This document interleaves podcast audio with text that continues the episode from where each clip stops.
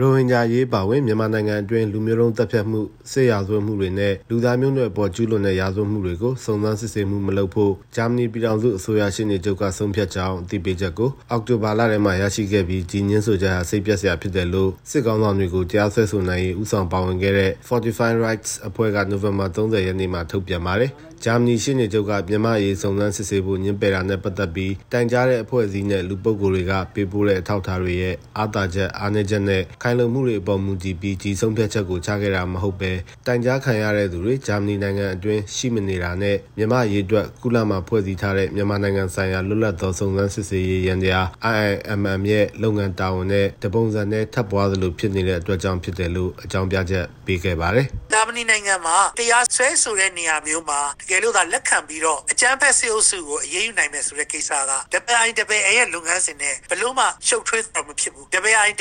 ရဲ့စုဆောင်းထားတဲ့အချက်တွေကိုတရားရုံးမှာဖော်ဆောင်မှုအတွက်တရားရုံးတစ်ခုကိုဖွင့်လှစ်လိုက်တဲ့သဘောဖြစ်တဲ့အတွက်ပုံမပြီးတော့အကျိုးရှိစမှာဖြစ်ပါတယ်အဲ့ဒီအချက်ကိုတော့ကျွန်တော်လက်မခံနိုင်ပါဘူးအခုလိုမျိုးလက်မခံခြင်းကတော့တရားရေးဆိုင်ရာလမ်းကြောင်းတစ်ခုဆုံးရှုံးသွားတယ်လို့ပဲကျွန်တော်ပြောချင်ပါတယ် အမျိုးသားညီညွတ်ရေးအစိုးရ NUG တော်လှန်ရေးဥဆောင်အဖွဲ့အစည်းတွေနဲ့လူအခွင့်အရေးတက်ကြွလှုပ်ရှားသူတွေကမြန်မာစစ်ကောင်ဆောင်တွေကျူးလွန်ခဲ့တဲ့ရာဇဝတ်မှုတွေကိုအရေးယူနိုင်ဖို့အပြည်ပြည်ဆိုင်ရာအဆင့် ICJ, ICC တို့ကနေတရားစွဲအရေးယူနိုင်မှုဆောင်ရွက်တာနဲ့အာဂျင်တီးနား၊ဂျာမနီစတဲ့နိုင်ငံတွေမှာရှိတဲ့ Universal Jurisdiction တရားစီရင်မှုစနစ်ကနေအရေးယူနိုင်ဖို့စတဲ့နည်းလမ်းနှစ်ခုနဲ့ကြိုးစားနေကြတာဖြစ်ပါတယ်။ သူတို့ဘယ်လိုစဉ်းစားလဲဆိုလို့ရှိရင်မြမအရေးကနိုင်ငံတကာအရေးဖြစ်တယ်ပေါ့နော်ဂျာမနီကနေပြီးတော့တာဝန်ယူပြီးတော့လုပ်ရမယ့်ဟာမျိုးမဟုတ်ဘူးသူတပြည့်သူတို့မှရှိနေတဲ့အရင်းမြစ်တွေကိုမသုံးကျင်တာဘူးရင်းတဲ့အချက်ကိုကြည့်လိုက်လို့ရှိရင်ရုပ်တိမဲ့တယ်ပေါ့နော် UN မှာအခုလက်ရှိရှိနေတဲ့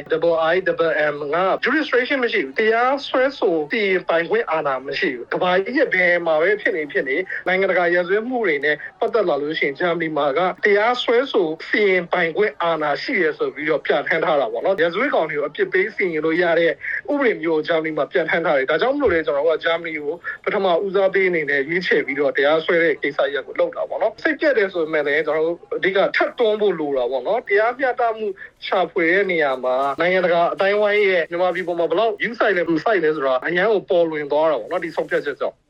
ဂျာမနီရှင်းနေချုပ်ရဲ့ညှင်းဆိုချက်ဟာသူ့နိုင်ငံသူ့ဥပဒေသူ့လုံထုံလုံနီးနဲ့ဆုံးဖြတ်တာဖြစ်တဲ့အတွက်တစုံတရာမှတ်ချက်မပေးလို့ပဲသင်ခန်းစာအဖြစ်မှတ်ယူပြီးပိုကောင်းတဲ့နီလန်းတွေကိုရှာဖွေရမယ်လို့ NUG လူခွင့်ဆိုင်ရာဝန်ကြီးဌာနဒုဝန်ကြီးကပြောပါတယ်ဂျာမနီကလက်မှတ်ခံပေမဲ့ကမ္ဘာပေါ်မှာ Universal Jurisdiction ကိုလုံနိုင်တဲ့နိုင်ငံဂျာမနီတခုတည်းမဟုတ်ဘူးတခြားသောနိုင်ငံတွေမှာလည်းလုံနိုင်တဲ့ဟာတွေအများကြီးခွင့်လန်းတွေရှိတယ်ဒီလိုနိုင်ငံတစ်နိုင်ငံမှာဆက်ပြီးမလုံနိုင်ကြရတခြားနိုင်ငံမှာကျွန်တော်ခွင့်လန်းတွေပိုရှိတယ်ဆိုတာကိုလည်းယုံကြည်ဖို့လိုတယ်မဟာဗျူဟာအသစ်တွေနဲ့လုံပိုင်ခွင့်ရှိတဲ့နိုင်ငံတွေမှာဆက်လက်ပြီးတော့လှုပ်ဆောင်ဖို့လိုတယ်ဆိုတာလေဂျာမနီမှာဒါကိုဆက်မသွားနိုင်တဲ့အကြောင်းရင်းကကျွန်တော်တို့ပြီးလိုက်တဲ့သင်ခန်းစာလို့တနေ့တည်းပို့ပြောလို့ရတယ်ပေါ့နော်ဂျာမနီကလက်မခံကြပြင်တခြားဥရောပနိုင်ငံတွေကလက်မခံဘူးလို့ပြောတာဟုတ်ဘူး European countries တွေမှာလည်းဒီလိုလုပ်နိုင်တဲ့ဟာတွေရှိလိမ့်မယ်ကျွန်တော်တို့ကလည်းဆက်လက်ပြီးတော့နှီးလန့်ရှာဖို့လိုတယ်